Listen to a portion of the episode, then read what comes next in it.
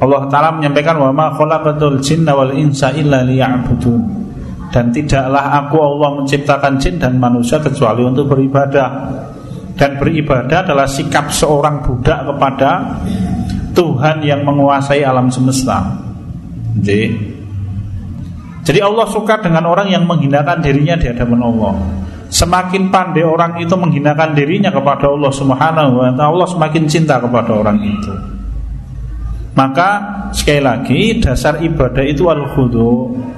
Khudu itu merendahkan diri di hadapan Allah Subhanahu wa taala. Jangan pernah menganggap diri kita itu penting bagi Allah. Jangan pernah menganggap bahwa kita ini adalah orang yang punya prestasi besar bagi Allah Subhanahu wa taala. Tidak rekan-rekan sekalian, bapak-bapak, hadirin sekalian yang dirahmati oleh Allah taala. Assalamualaikum warahmatullahi wabarakatuh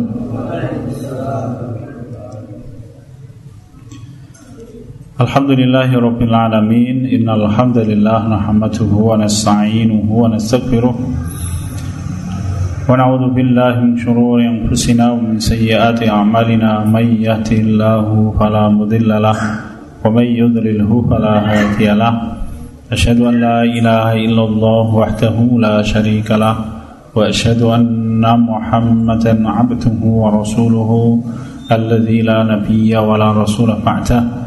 اللهم صل على محمد وعلى آله وأصحابه ومن والاه. أعوذ بالله من الشيطان الرجيم. يا أيها الذين آمنوا اتقوا الله حق تقاته ولا تموتن إلا وأنتم مسلمون. Alhamdulillahirrahmanirrahim Hadirin sekalian, ibu-ibu, bapak-bapak dan rekan-rekan sekalian yang dirahmati Allah. Segala puji bagi Allah Ta'ala yang pertama saya wasiatkan Untuk diri saya dan hadirin sekalian Marilah kita bertakwa kepada Allah Subhanahu Wa Ta'ala dengan sebenar-benar takwa.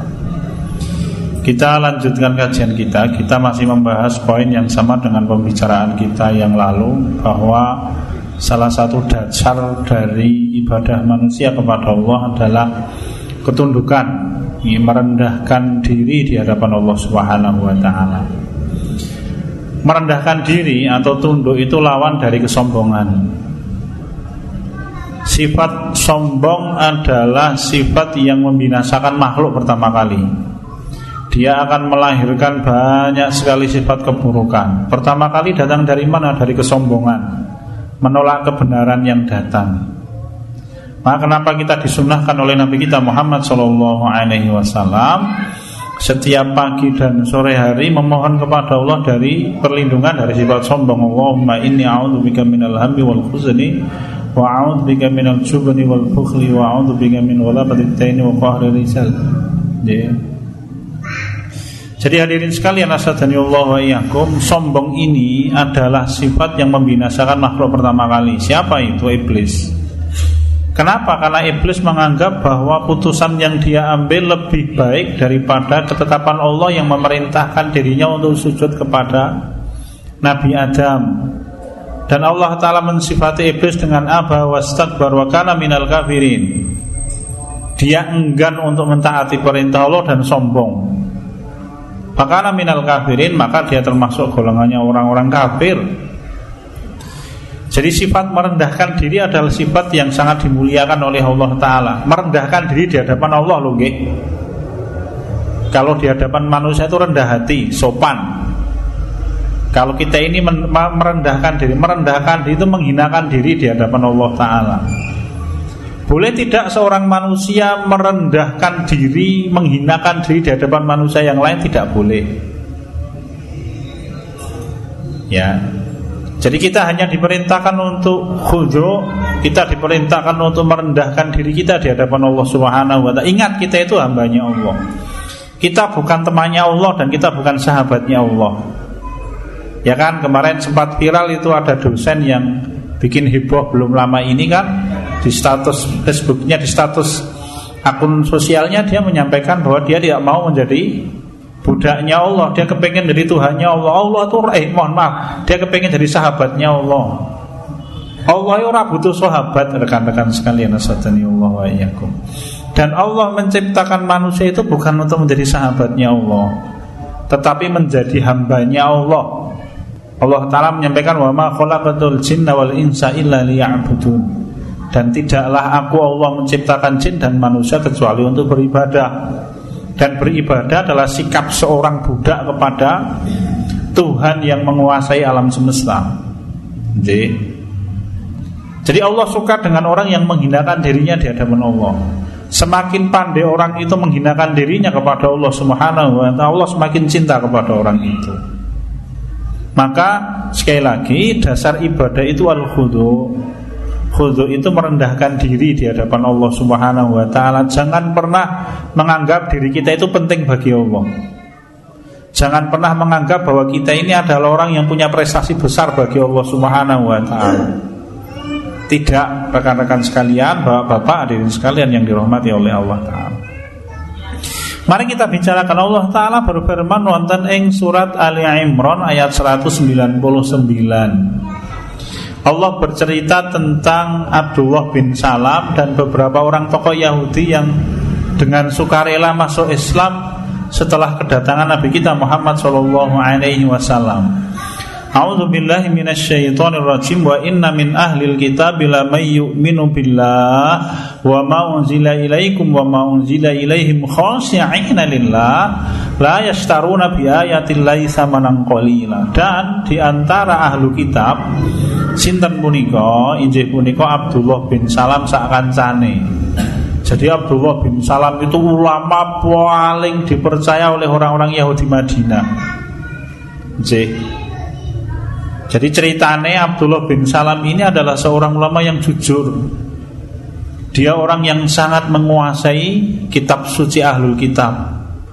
Dan dia tahu persis bahwa Rasul yang datang kepada mereka di kota Madinah adalah Nabi terakhir yang dijanjikan oleh kitab suci mereka. Maka begitu Rasul kita hijrah dari Mekah menuju Madinah Sampai di Kubah gage-gage Abdullah bin Salam ini menemui Rasul untuk menyatakan diri masuk Islam Kenapa? Karena kitab mereka jelentreh kayak gamblang rekan-rekan. Sehingga mereka semuanya harusnya masuk Islam.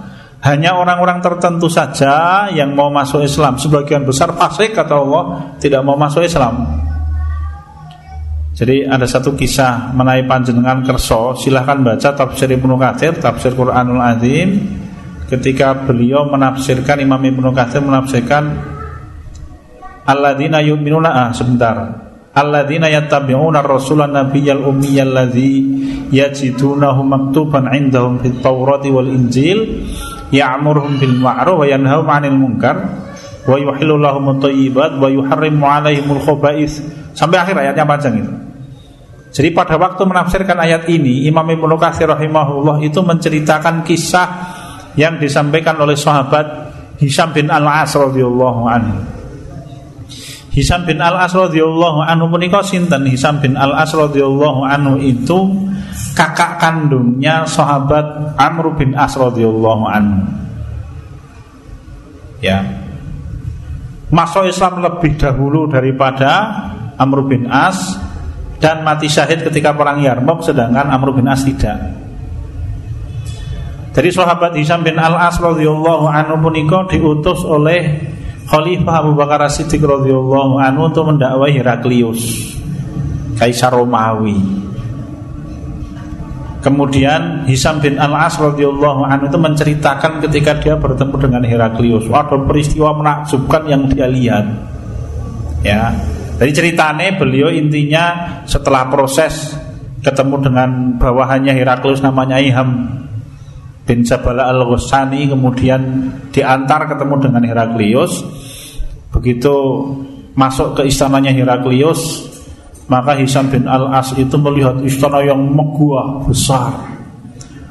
Kain-kain yang menyelubungi istana itu warnanya merah dan Heraklius itu memakai baju kebesaran berwarna merah. Beliau bersama dengan seorang sahabat yang lain dua orang.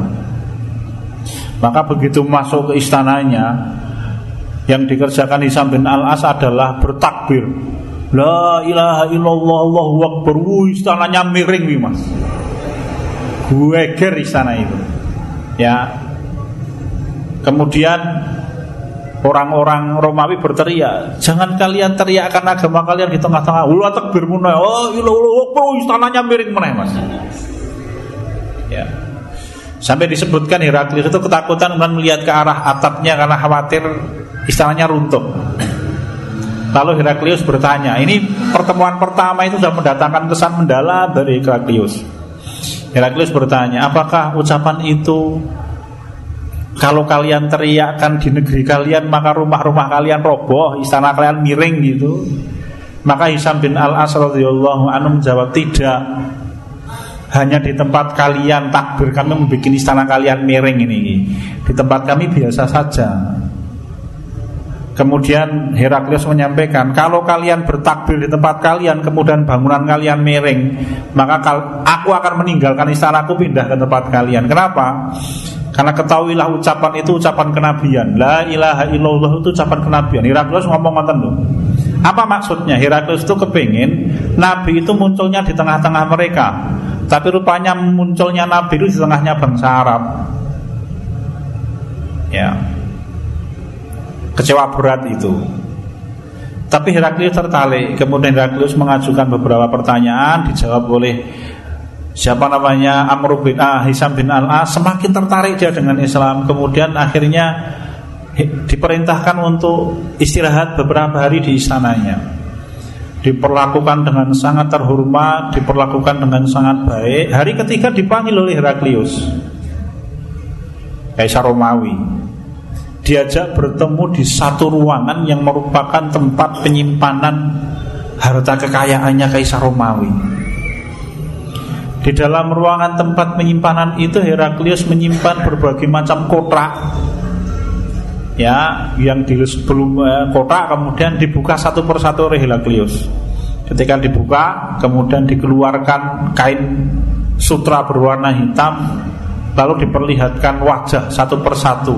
Jadi, pertama kali adalah seorang laki-laki yang wajahnya tampan, tidak punya jenggot, lehernya panjang, bulunya banyak. Kemudian Heraklius bertanya, "Kalau tahu kalian tahu ini siapa yang ada di dalam gambar ini?" Maka Hirak, eh, Hisam bin Al menjawab, tidak, kami tidak tahu. Maka kemudian Hiraklius menjawab, ini adalah gambarnya Adam alaihissalam. Ditutup, kemudian diambil lagi gambar yang lain. Ya, kemudian ditanyakan kepada Hisam bin Al As, tahukah kalian gambar siapa orang ini? Kami tidak tahu. Kemudian disebutkan ini adalah gambarnya Nuh alaihissalam. Kemudian ditanya lagi, dikeluarkan kotak lagi, dikeluarkan darinya ada satu wajah, digambar, ditanya, tahukah kalian siapa orang yang ada dalam gambar ini? Tidak tahu kami. Heraklius mengatakan ini adalah gambarnya Ibrahim alaihissalam. Kemudian dikeluarkan satu kain sutra warnanya putih. Begitu dijereng di depannya para sahabat. Para sahabat tahu itu. Siapa itu mas? Nabi kita Muhammad Shallallahu Alaihi Wasallam. Jadi di dalam istananya Heraklius itu ada gambar yang disimpan puluhan atau ratusan tahun oleh orang Romawi dan di situ ada gambarnya Rasul kita Muhammad Shallallahu Alaihi Wasallam. Ya, dan Heraklius mengatakan, aku tahu kalian kenal ini. Sopo itu ya kanjeng Nabi kita Muhammad SAW. Sampai Heraklius bertanya, betulkah nabimu mirip seperti orang ini? Maka Hisam bin Al As radhiyallahu anhu menjawab, gambar itu persis seperti aslinya. Kalau anda memandang gambar itu, anda ketemu dengan orang aslinya. Itu oleh Heraklius gambar itu dipandang lama, itu didelok. Ya, sampai disebutkan dia sempat berdiri Ya, jadi betul-betul hatinya Heraklius itu wah, campur aduk. Dia kepingin masuk Islam, tapi anak buahnya orang setuju. Akhirnya dia tidak jadi masuk Islam. Tapi itu memberikan kita hikmah Pelajaran berharga apa? Bahwa orang-orang ahlul kita pun tahu persis Nabi kita. Bahkan nganti bentuk rambutnya Bentuk matanya, alisnya seperti apa Dedege kaya ngopo, bibirnya seperti apa Itu disampaikan oleh Rasul kita Muhammad SAW Eh disampaikan oleh nabi-nabi mereka Allah Ta'ala kepada Rasul-Rasul mereka. Sampai ketika pertemuan itu hadisnya panjang nih mas? Sebenarnya ada di sini materinya harusnya panjang itu. Selesai percakapannya itu Hisam bin Alas bertanya loh, kenapa kok kalian tahu wajah Nabi kami sehingga kalian bisa menggambar wajah Nabi kami persis seperti keadaan aslinya. Marah Heraklius itu bercerita dulu ketika Nabi Adam alaihissalam diturunkan oleh Allah di muka bumi ini, maka Nabi Adam alaihissalam berdoa kepada Allah memohon agar diperlihatkan kepadanya para nabi dari keturunannya. Maka Allah taala memberikan gambar semua nabi yang datang dari keturunannya Nabi Adam alaihi kabeh Mas. Ya. Kemudian gambar itu disimpan oleh Zulkarnain seorang nabi besar yang menjadi raja banyak ulama yang menyampaikan nabi nggih meskipun dia tidak dimasukkan di dalam 25 nabi itu. Kemudian oleh Dzulkarnain alaihi salam diserahkan kepada Nabi Daniel. Nabi Daniel ini terkenal nabinya. Kenapa? Karena ketika kaum muslimin menaklukkan Palestina, maka kaum muslimin itu masuk ke dalam salah satu tempat peribadahannya orang-orang ahlul kitab. Kemudian mereka menemukan di dalam tempat ibadah mereka itu jenazahnya Nabi Daniel masih utuh. Kemudian oleh kaum muslimin dirukti dirawat selayaknya lalu dikubur dengan cara Islam gitu. Kemudian dikuburkan. Ketika beliau ketika beliau apa namanya belum dikubur itu di atas tubuh beliau ada kitab sucinya kitab kemudian diambil oleh kaum muslimin diserahkan kepada Umar bin Khattab radhiyallahu anhu. Kalau anda kepengen tahu isinya itu panjenengan silahkan membaca buku yang ditulis oleh Dr uh, Safar Hawali Hafizahullahu. Judulnya Menanti Ajal Israel Ada itu mas. Saya punya di rumah. Jadi kitab Menanti Ajal Israel itu Tulisannya seorang dokter ulama besar Ahli hadis yang disebut oleh Syekh Abdul Aziz bin Bas sebagai Ibnu Taimiyah kecil, warna pintar betul beliau. Hari ini di penjara di Arab Saudi beliau. Namanya Dr. Safar Hawali Hafizahullah. Beliau ini menguasai ribuan hadis dan belum menguasai kitab sucinya Ahlul Kitab. Beliau menulis menanti ajal Israel, judul aslinya Yaumul Ghadab, buku bahasa Arabnya itu. Itu berdasarkan atas ayat-ayat yang ada di dalam kitab sucinya Ahlul Kitab tentang bagaimana Israel itu akan binasa dan kapan waktunya. Silahkan baca itu. J. Jadi Syekh Safar Hawali mengambilkan dari apa yang dinukil dari nubuahnya Nabi Daniel alaihissalam ya Nabi Daniel begitu rekan-rekan sekalian asadani Allah wa iyyakum Abdullah bin Salam radhiyallahu anhu. Tahu persis itu maka kemudian dia masuk Islam. Khasya'ina lillah. Dia bersikap merendahkan hatinya merendahkan diri. Mohon maaf sebenarnya ya pasnya ya merendahkan diri. Tidak hanya merendahkan hati merendah hati itu sopan. Jadi kalau merendahkan itu betul-betul menghinakan dia menganggap dirinya hamba di hadapan Allah Subhanahu wa taala, orang duwe rego. Dan Allah suka dengan orang yang seperti itu. Allah tidak suka dengan orang yang menganggap dirinya penting. Allah tidak suka dengan orang yang menganggap dirinya suci. Maka Allah menyampaikan huwa alamu Dunia ini hilang, Allah tidak ada hilangan apa-apa kok. Maka Allah Ta'ala menyampaikan di dalam hadis Hadis kursi Rasul kita menyampaikan Ya ibadi law anna awwalakum wa akhirukum Wa akhirakum insukum wa jinukum Yakunu ala sa'idin Ala qalbin ahadin minkum. Yu'minu bila yazidu min mulki syai'au kama Rasul kita menyampaikan Wahai hambaku Kalau kalian seluruhnya Jin yang paling awal Jin yang paling awal itu Sopo? Aku ya rati jenenge mas. Oke jin ifrit apa sopo? Apa iblis? Tapi setahu saya iblis itu panglimanya jin. Sampai jin yang paling akhir mbuh jenenge sopo manusia yang paling awal Nabi Adam alaihissalam sampai manusia yang paling akhir mbuh jenenge sopo paiman apa sopo arti ada orang spokoman besok orang yang paling akhir. Ketemu jeglere hari kiamat. Yakunu ala qalbi ahadin minkum yu'minu bi. Keimanannya jadi siji beriman kepadaku la yazidu min mulki syai'a. Dengan keimanan paling penuh itu tidak akan menambah kekuasaanku sedikit pun. Ya Jadi jangan pernah menganggap diri kita ini orang yang uh hebat niku di hadapan Allah mboten. Rendahkan diri kita di hadapan Allah maka Allah akan mencintai kita karena Allah suka dengan orang yang merendahkan diri di hadapannya. La yasharuna bi ayatillahi samanan qalila. Mereka tidak menukarkan ayat-ayat Allah dengan harga yang sedikit. Kenapa? Karena ahlul kitab kesukaannya mengganti ayat Allah.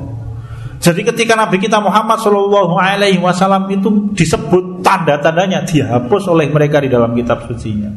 Agar apa? Agar orang tidak tahu kenapa. Karena mereka kecewa Rupanya Nabi yang dikehendaki datang dari bangsa mereka Bani Ishak itu tidak dikabulkan oleh Allah Nabi terakhir rupanya datang dari Bani Ismail alaihissalam Siapa itu? Nabi kita Muhammad SAW Bahkan di dalam kitab suci mereka itu tidak hanya disebutkan tentang Nabi Sampai khalifahnya yang keempat itu disebut Suatu saat ada suatu ada seorang muadzinnya Umar bin Khattab namanya Marzak kalau tidak salah. Ya, ini adalah muadzinnya Umar bin Khattab radhiyallahu. Suatu saat diutus untuk menemui kaum ahlul kitab di Palestina. Untuk menanyakan apa yang dikenal oleh orang-orang ahlul kitab tentang khalifahnya Rasul. Maka kemudian Putusannya Umar bin Khattab itu datang ke tokohnya orang-orang ahlul kitab di Palestina kemudian bertanya apakah di dalam kitab suci kalian ada disebutkan tentang penggantinya Nabi Muhammad khalifahnya Rasul? Ada. Ya. Siapa itu? Khalifah pertama itu orangnya soleh. Ya. Siapa itu? Abu Bakar betul. Khalifah yang kedua bagaimana di dalam kitab sucinya terkait dengan aku kata Umar Khalifah yang kedua itu khalifah yang menegakkan kebenaran dengan kekuatan yang dia miliki. Dia memiliki apa ini? Tanduk besi. Oh, bahasanya harus kita begitu. Ya. Kemudian khalifah yang ketiga itu adalah seorang yang soleh tetapi dia mengutamakan keluarganya. Orang yang soleh dan mengutamakan keluarganya. Dikomentari di dalam kitab jalur kitab.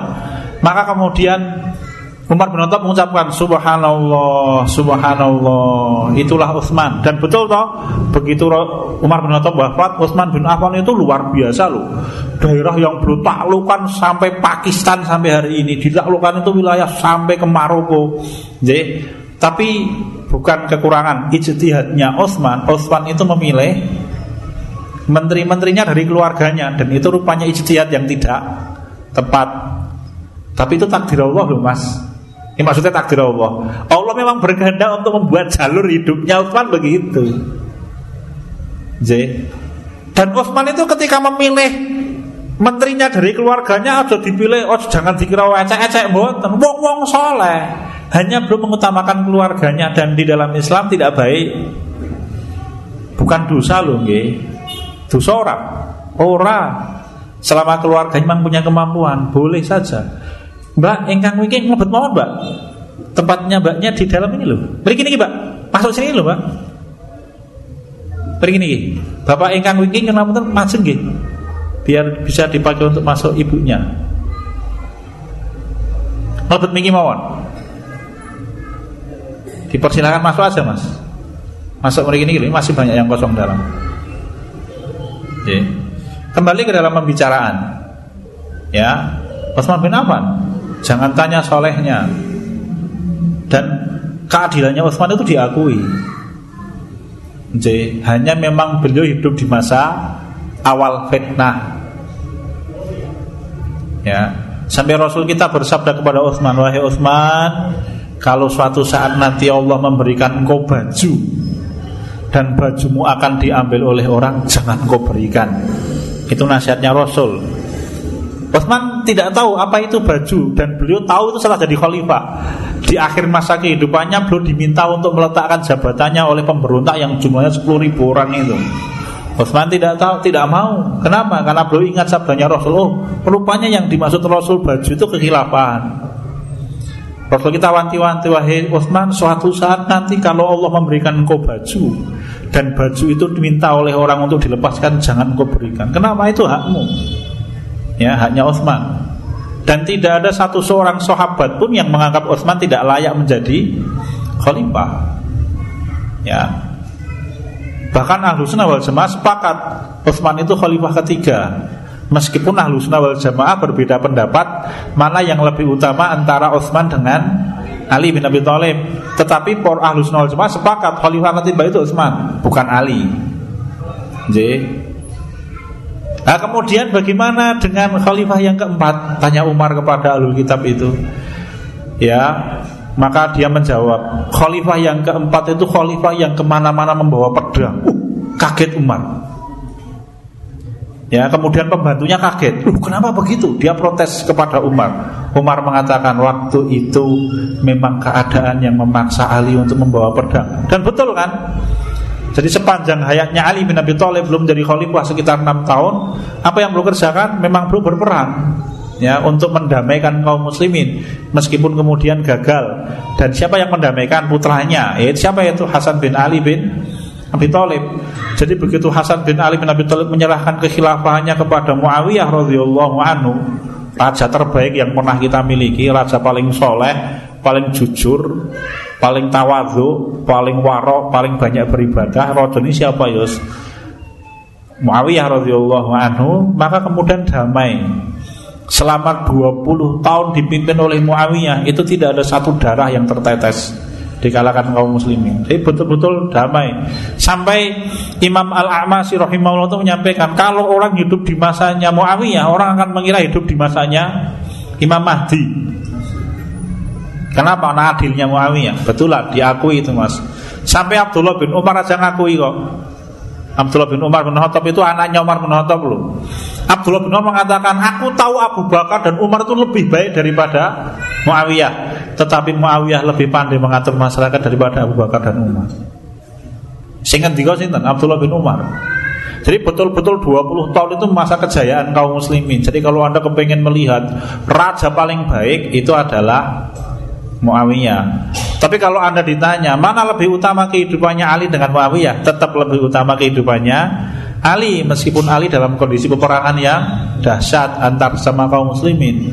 Tapi itu tidak mencabut barokah yang Allah berikan kepada mereka. Ya, rekan-rekan sekalian, Allah Khasyi'ina lillah yakni khadi'ina lillahi bitta'ah. Khusuk merendahkan diri kepada Allah itu wujudnya adalah tunduk dengan cara mentaati Allah. Ya. Imam Ibnu Katsir menyampaikan khasyi'ina lillahi muti'ina lahu muti'una lahu khadi'una mutadzallilina baina yadayhi. Orang yang khusyuk itu orang yang taat patuh kepada Allah Menundukkan hati dan menundukkan seluruhnya kepada Allah Menghinakan diri di hadapan Allah Ta'ala Jangan pernah menganggap diri kita sahabatnya Allah. Allah ora butuh sahabat, ya kan? J. Pelancang itu. Eh pas didawak-dawake nggih. Wis cukup lah. Hukuman masyarakat bagi mereka ya iso turu saiki. Aku yakin ora iso turu, Mas. Metu saka omahe tutupan rai ini mesti. Ya. Jadi kita ini hambanya Allah. Hamba itu budak, sahaya. Dan banggalah kalau Anda menjadi hambanya Allah yang taat kepada Allah. Itu bukan hal yang tercela, keutamaan bagi kita kok. Bedanya iblis dengan kita itu iblis itu budaknya Allah, meng merosal. Merosal ki basa Jawa e, membangkang. Beda dengan Nabi Adam alaihi salam. Nabi Adam itu budaknya Allah, tetapi dia tunduk patuh dan mengakui kesalahan. Imam Al-Qurtubi rahimahullah menyampaikan, ya, ketika Nabi Adam berbuat dosa, yang didahului oleh iblis berbuat dosa, maka Nabi Adam itu apa yang dikerjakan? Meminta ampun kepada Allah. Ya. Meminta ampun kepada Allah. Nabi Adam bertanya dikisahkan oleh Imam Al-Qurtubi. Dia matur kepada Allah, Ya Rabbi ara'aita in astaghfiruka wahai Allah bagaimana pendapatmu kalau aku meminta ampun atas kesalahanku? Allah menjawab idzan adkhulukal jannah. Kalau begitu aku masukkan engkau kembali ke dalam surga. Maka Nabi Adam tinggal di dunia petang atus tahun Itu zikirnya apa mas? Beliau tidak pelas, lepas mengucapkan La iya Rabbana dhulamna anfusana fa illam taghfir lana wa tarhamna lanakunanna minal khasirin. Sepanjang ayat. Petang atus tahun rekan-rekan sekalian. Iblis beda. Iblis itu dia hanya minta agar diberi hak untuk menjawab. Maka Allah bertanya kepada iblis, "Ma mana'aka antas idza amartu?" Wahai iblis, Kenapa engkau tidak mau sujud ketika aku perintahkan engkau untuk sujud? Wong sombong. Nabi Adam mengakui kesalahan, maka dia menghinakan diri kepada Allah, diampuni dosanya. Iblis boten, lawannya sombong. Ya, apa yang dikerjakan iblis? Iblis jawab, Ana khairum minhu. Aku lebih baik daripada Adam wahai Allah. Ya. Di dalam Fatal Hajj ayat 34 35 Fa ilahukum ilahu wahidun falahu aslimu basyiril mukhbitin. Berikanlah kabar gembira kepada orang-orang mukhbit. Siapa itu alladzina idza dzukirallahu wajilat qulubuhum yaitu orang-orang yang ketika disebut nama Allah maka hatinya langsung takut. Wasabirina ala ma asabahum dan mereka orang-orang yang sabar ketika mereka mentaati Allah diuji dengan berbagai macam keburukan. Tapi sekali lagi ujian tidak mesti keburukan. J anda jangan menganggap neono wong soleh ini mesti ujiannya susah. Banyak orang soleh diuji dengan kebaikan juga banyak ujian itu pokoknya warnanya dua, enak atau tidak enak. Ya, karena kadang-kala kita itu berhadapan dengan masalah karena masalah yang kita ciptakan. Yuk nanti jadi ujian kita. Contoh dengan pergi ke masjid, naik motor. Sekarang omah motornya ora sidi, ora diisi bensin. Anda tahu itu bensinnya mau habis. Anda tahu rodanya motor panjenengan gembos. Anda tahu motor panjenengan selama tiga tahun buatan di servis ke. Itu kira-kira nih nanti yang tengah jalan kentean bensin, kemudian bani bocor, mogok, itu tetap ujian untuk kita, tapi itu ujian yang datang kenapa? Karena kita yang menciptakan mata, tapi itu ujian kehidupan. Beda dengan panjenengan dari rumah itu jenengan kupo bane, umpamanya bane gres anyar sih ono ceringi-ceringi yang ono kae Mas, nggih to. Bensinnya full seminggu yang lalu di servis tiba-tiba di tengah jalan kok kena paku. Ya sudah memang tugas kita sabar. Itu sesuatu yang tidak bisa kita hindari. Sama-sama ujian. Meng yang kedua ini adalah memang ujian yang datang karena kualitas kita. Allah berkehendak untuk memberikan kita masalah untuk semakin mengangkat kualitas kita. Sedangkan model pertama itu ujian yang datang memang karena kesalahan kita Wis padha-padha ujian kuwi, Mas. Nggih. Fausikum wa inna Allah. Wasabirina ala ma asabahum dan orang-orang yang sabar atas semua musibah yang menimpa mereka. Ya. Wal muqimis shalah dan orang yang selalu menegakkan salat wa mimma razaqnahum yunfiqun dan orang-orang yang selalu menginfakkan harta yang mereka miliki. Nanti di dalam ayat yang lain sirra wa alaniyah terang-terangan atau sembunyi-sembunyi ya. Apalagi alladzina yang fikuna fisaroi wadoro dalam keadaan lapang atau dalam keadaan sempit. Upiye kuwi Mas? Nek rezekine oke sedekah oke nek rezekine titik sedekah ya dikurangi. Ora apa-apa. Tapi dia tidak pernah berhenti. Nggih jadi kalau duit panjenengan banyak, aku tak infak mubeng, mubeng ora mubeng satu sewu, gitu, bleb bleb bleb ora gitu, oh, duitnya oke. Pas ora duit duit, rong ewu, rong ewu ora apa-apa, mau pati murah, itu malah bawa kene ngono, sewu, sewu, ndak apa-apa, ya, ndak apa-apa. Yang penting jangan pernah berhenti, ya, jangan pernah berhenti. Neng kan awake dhewe mikir butuh nggih Mas. Ya, Seorang muslim itu istimewa kenapa? Karena dia mentaati Allah dalam keadaan lapang atau dada Rezekinya banyak, sodakonya banyak Tidak punya duit, dia sodakonya sedikit. Jangan pernah berhenti. Tidak usah khawatir bahwa rezeki yang kita berikan kepada Allah Kemudian sia-sia buatan Pasti besok kalau kita bertemu dengan Allah Kita kepengen semua duit kita, kita sodakoh kok. Wis toh Meskipun demikian Allah itu maha adil dan maha bijaksana. Allah tidak menuntut semua rezeki kita disodakoke Wa mimma bahasanya Allah itu. Dan sebagian orang kabeh kok sing dijaluk oleh Allah. Meskipun kalau Abu Bakar Semuanya. J Begitu. Ini al-muhbid Siapa itu muhbid? Ya Imam Mujahid bin Jabar menyampaikan al-mukhbit itu al-mutmainin, orang yang jiwanya tenang dan tentram ketika beribadah kepada Allah taala. Al-mukhbit itu Imam Al Imam Qatadah bin Dihama menyampaikan al-mutawadi'in, orang yang tawadhu di hadapan Allah taala. Ya, orang yang merendahkan diri di hadapan Allah. Jadi, Maka kalau anda melihat ada seorang muslim yang kalau memegang Quran dia cium Jangan ubit, ah, sopo kondo mas Masuk mencium kitab sucinya kok betai ketemu pirang perkara? Justru yang tercela itu kalau ada seorang muslim yang meletakkan Quran di lantai dia langkah itu tercela mas. Meskipun betul Rasul kita belum pernah saya mendapatkan riwayat Rasul kita mencium mushaf Al-Quran. Tetapi kalau ada seorang muslim yang berniat untuk memuliakan Quran dengan cara mencium mushaf itu benar. Kenapa? Karena ayat tentang memuliakan Quran itu kan umum. Kalau umum itu apa? Nanti kaidah usul fikih dikembalikan kepada adat. Sebagaimana kita diperintahkan oleh Allah Ta'ala untuk berbincang kepada orang tua kita Wa ma'ruf Dan berbicara kepada mereka dengan perkataan yang ma'ruf. Perkataan yang ma'ruf itu dikembalikan kepada adat kita masing-masing. Nek wong Jawa ya panjenengan matur dengan bahasa Jawa halus ini gede Kapan itu ketika kita punya niat untuk menghormati orang tua kita? Kan begitu rekan-rekan. Kalau simbah-simbah kita dulu itu kalau cucunya pergi ke masjid nggawa Quran, ditalekke. Nggih to Mas. Nganggo sarung, ditalekke ning. Betul itu, takzim kepada Quran kitab suci kita. Ya, Allahu a'lam. Kita laksanakan pekan depan. Ya, sekian dan demikian apa yang bisa kita bicarakan. Kita belum membicarakan lawannya yaitu at-takabbur. Kita insya Allah akan bicarakan pertemuan yang akan datang. Sekian dan demikian. Alhamdulillah. Saya kembalikan kepada pembawa acara. Assalamualaikum warahmatullahi wabarakatuh.